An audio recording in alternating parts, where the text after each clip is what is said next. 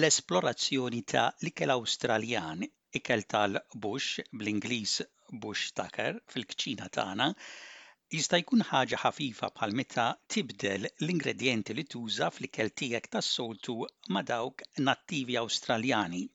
Ma tkunx bidla biss fl-ikel imma ċelebrazzjoni tal-wirt kulturali u sinjur li toffri l-Awstralja.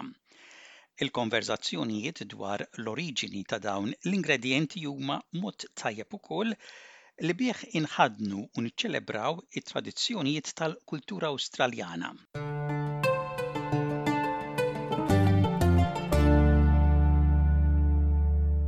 L-ingredjenti tal-ikel Awstraljan dejjem qegħdin ikomplu jissemmew imma li nippruvaw insajruhom aħna stess tista' tkun xi ħaġa ġdida għal ħafna minna.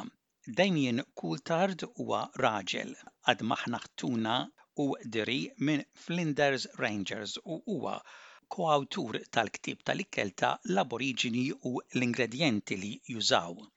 Huwa jgħid li bħal kull tisjir li m'intix midħla tiegħu li tinkludi ingredjenti tal-ikel Awstraljan jitlob li tkun lest li tesplora u tfittex ikel ġdid. u dan iż-żmien ta' festi tal-Milied u s-Sena l-Ġdida meta nħejju ħafna ikel differenti huwa żmien tajjeb li nippruvaw ingredjenti indiġeni u nħawru dak li nsajru b'xi ingredjenti tal-wirt kulturali Awstraljan. But ultimately those who are cooking at home what we like to encourage is this experimentation with the different natives and just embodying it and celebrating it within your cooking. So for Christmas, how many different meals they get brought out, salads to desserts to beverages, hot and cold to, to cocktails. There's a range of different ways they can use it and access that, and there's many different recipes online as well. Minflok, riċetti kompletament ġodda b'ingredjenti Awstraljani tista' tikkunsidra li tibdel xi ingredjenti regolari ma' varjetajiet oħra ta' ingredjenti Awstraljani. Meta niġu għal tisjir ta' platti ewlenin tista' tfittex ingredjenti Awstraljani li żżid għat-togħma bħala ħwawar. the mains for Christmas for us. Generally it is warm food, so it's your turkey, it's your chicken, it's it's your fish, it's your lamb. So if you're thinking of preparing a lamb, maybe it's preparing that with with saltbush or your chicken or your turkey using Geraldton wax. The Geraldton wax has that beautiful citrus flavour that can be stuffed under the skin. Or if you're someone who absolutely loves fish or anything from from the ocean, so I'm thinking snacks like oysters with finger lime or prawns with finger lime Arabella Douglas, mara minn Jumbull, hija il-fundatriċi ta' Carrick Country, organizzazzjoni ewlenija ta' l-ewwel nazzjonijiet li tiffaċilita l-konnessjoni permezz ta' l-inklużjoni kulturali. Hija tissuġġerixxi li meta nikkunsidraw li ninkludu ingredjenti nattivi Awstraljani, waħda mill-ewwel mistoqsijiet li għandna nistaqsu lilna nfusna hija liema huwa l-ikel tajjeb għas-sajf Awstraljan. So if anyone wants to say to me, what is a native or a traditional Christmas from a First Nations perspective?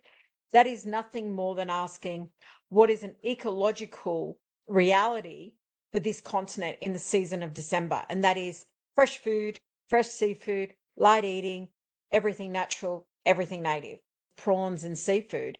They are extremely on point, both they're native, course, all seafood is native, but seafood is exactly what we should be eating. Il-pavlovas huma ta' sinifikant importanti fl-istaġun tal-Milied Awstraljan u jistgħu jservu biex fuqhom inpoġġu ingredjenti Awstraljani bħal frott ta' kull xorta. everyone loves a pavlova. We've got strawberry gum pavlova. The cream is infused with um, wattle seed. So once again, you've got two native ingredients straight off the bat there. You know what better than having fruit as well? We have it with fruit mixed with a combination of traditional fruit, traditional in the way of sixty thousand years of age. So I'm thinking of the Kwangdong, Davison plum, but then you can delve into the the munchies and whatever you're feeling. u ma ninsewx ix-xorb, kemm jekk xarbiet sħan jew friski joffru opportunità tajba li nintroduċu togħmiet Awstraljani għall-mistiedna speċjali tagħna. Fingerlimes u Davison plums jistgħu jkunu kumpliment tajjeb ma' xorb ieħor ħafif u cocktails, waqt li lemon myrtle hija mfittxija ħafna ma' xarbiet imħejjija mit-tonic. make an effort, identify the state, maybe the language name, connect us to an Aboriginal nation, kind of build up the storyboard about it, make it a real celebration. That gives you a true appreciation for what you're having and hopefully a love and a passion for. And I really believe once you have a love and a passion for a particular thing or a topic, that really drives your decision moving forward, whether it be travel, whether it be engaging in a food experience, whether it's appreciating that cultural heritage, whether you're from Australia or outside of Australia. u mod ieħor kif nistgħu niċċelebraw il-wirt kulturali Awstraljan huwa li nkabbru u naqsmu ma' oħrajn ingredjenti Awstraljani, tgħid Douglas. Grow as much as you can for yourself, there's nothing quite as lovely as just getting what you need from your garden and I know that sounds really daggy but I would say to people give each other plants and create your own little supermarket between your friends and your family and become your own exchange. Like that would be a beautiful Christmas because in that liberation where you opt out of these big chains, you actually find community.